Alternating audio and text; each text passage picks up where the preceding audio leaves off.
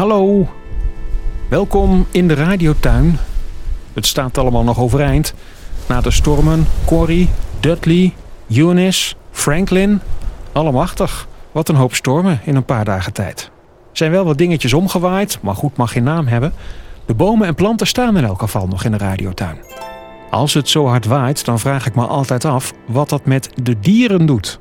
Natuurkenner Erik Milieu, goedemorgen. Goedemorgen Remco. Want ja, die dieren die hebben natuurlijk geen weerbericht, maar ze voelen vast wel dat er iets in de lucht aan de hand is. Oh, nou en of. Ja, de kleinere tuinvogels, die hebben, lijkt het soms een zesde zintuig.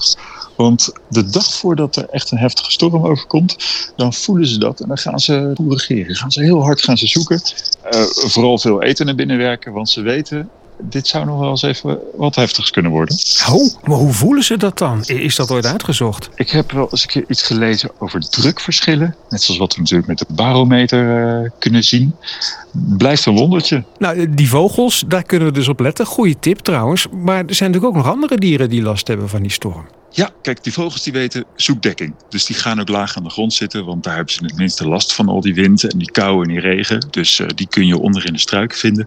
Maar daar zitten natuurlijk ook heel veel van onze insecten en overwinteraars verstopt. Uh, ik heb het wel eens vaker over die, die strooisellaag, waar alle uh, overwinterende hommels en wespen en dat soort dingen in, in weggedoken zitten. Die merken er op zich niet heel veel van. Waar het lastiger voor wordt, zijn voor al die dieren die hoog in de lucht zitten. Denk bijvoorbeeld aan de vleermuizen die hoog in de bomen zitten. We hebben natuurlijk afgelopen weekend gezien wat er met de bomen gebeurd is. Ja, die vallen om of in elk geval gaan ze heel erg heen en weer. Een menig tak die de brandweer heeft mogen opruimen.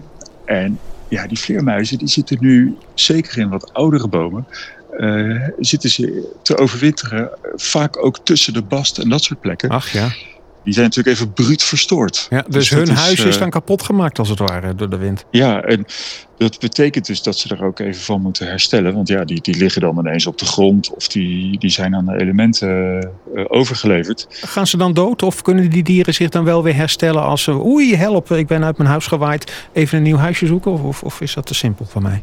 Uh, nou ja, op zich, als ze de kans krijgen, ja, ze, ze, ze vluchten. Hè. Als ze de kans krijgen, zullen ze een nieuw plekje zoeken om hun slaap verder uh, vol te brengen. En dan kan het goed komen hoor. Oké. Okay. Maar dat is ook eigenlijk wel belangrijk voor ons als opdracht. Dat al die, die, die rotzooi die nou allemaal overal ligt. Ik snap dat we het allemaal natuurlijk heel graag heel snel willen opruimen. Maar voor sommige dieren is het ook wel goed om het even... Geef het een beetje tijd. Ja, je bedoelt de takken even... die we gewoon moeten laten liggen... Uh, bladeren die op een hoop zijn gewaaid, dat soort dingen? Ja, ja, leg het allemaal even aan de kant. Geef het even een weekje de tijd. Dan hebben de dieren eigenlijk kans om zich nog even opnieuw te gaan oriënteren en een veilige plek te zoeken. Zodat ze uit die omgewaaide tak kunnen die nu een beetje in de weg ligt. En dan kunnen zij uh, ander huisje vinden. En als ze weg zijn, zeg ik even heel simpel, dan kunnen we de tak opruimen. Zo is het eigenlijk. Ah. Ja, en het is natuurlijk, we zitten aan het eind van de winter. Hè, dus het is, deze storm komt nog net op het goede moment, zullen we maar zeggen. Want ja, over een uh, week of drie, vier, dan is het voorjaar los aan het barsten. En dan wordt er nog veel meer schade aangedaan. Ja, en weet je wat het eigenlijk ook wel een beetje is? Mm. Er is een soort mooie selectie gaande geweest nu de afgelopen weken. Heel veel is er kapot gemaakt. Uh, heel veel is er, is er omgewoeld. En dat biedt natuurlijk ook wel weer heel veel nieuwe kansen. Want waar natuur uh, is, het is een dynamisch systeem. En ja, uh, ook vernietiging biedt nieuwe plek. Ja, dat is dan ook alweer zo. Over vernietiging gesproken, ik zag heel veel schuttingen die weg zijn. Uh, daar heb jij nou een leuke tip voor? ja, nou, schuttingen die gaan over het algemeen sowieso maar een jaar of 10 of 15 mee. Als je nou een goede investering wil doen, Zet dan niet een nieuwe schutting neer, maar een hele mooie bloeiende haag. Daar heb je veel meer lol van, veel langer. En het dier ook. Ja, nou kijk, we kunnen aan de slag. Mensen, als de schutting is omgewaaid, zetten gewoon iets groens voor in de plaats. De dieren zullen je dankbaar zijn. En jij uiteindelijk jezelf ook, want het ziet er veel leuker uit. Zo is het maar niet. Ja, en ik ben er alleen maar uh, dol op, een mooi hagenlandschap in Zeeland natuurlijk. Hè? ja, absoluut. Nou, we kunnen weer aan de slag uh, met opruimen, maar niet te snel dus. Hè. Neem de tips van Erik alsjeblieft te harte.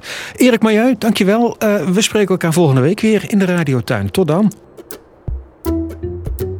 Oké, ik heb dus geleerd. Laat de takken nog even liggen. Laat de dieren even een andere plek vinden. En volgende week mag je gaan opruimen. Nou, zijn we goede tips. Kijk ook op radiotuin.nl voor alle babbels met Erik. En volgende week een nieuwe. Tot dan.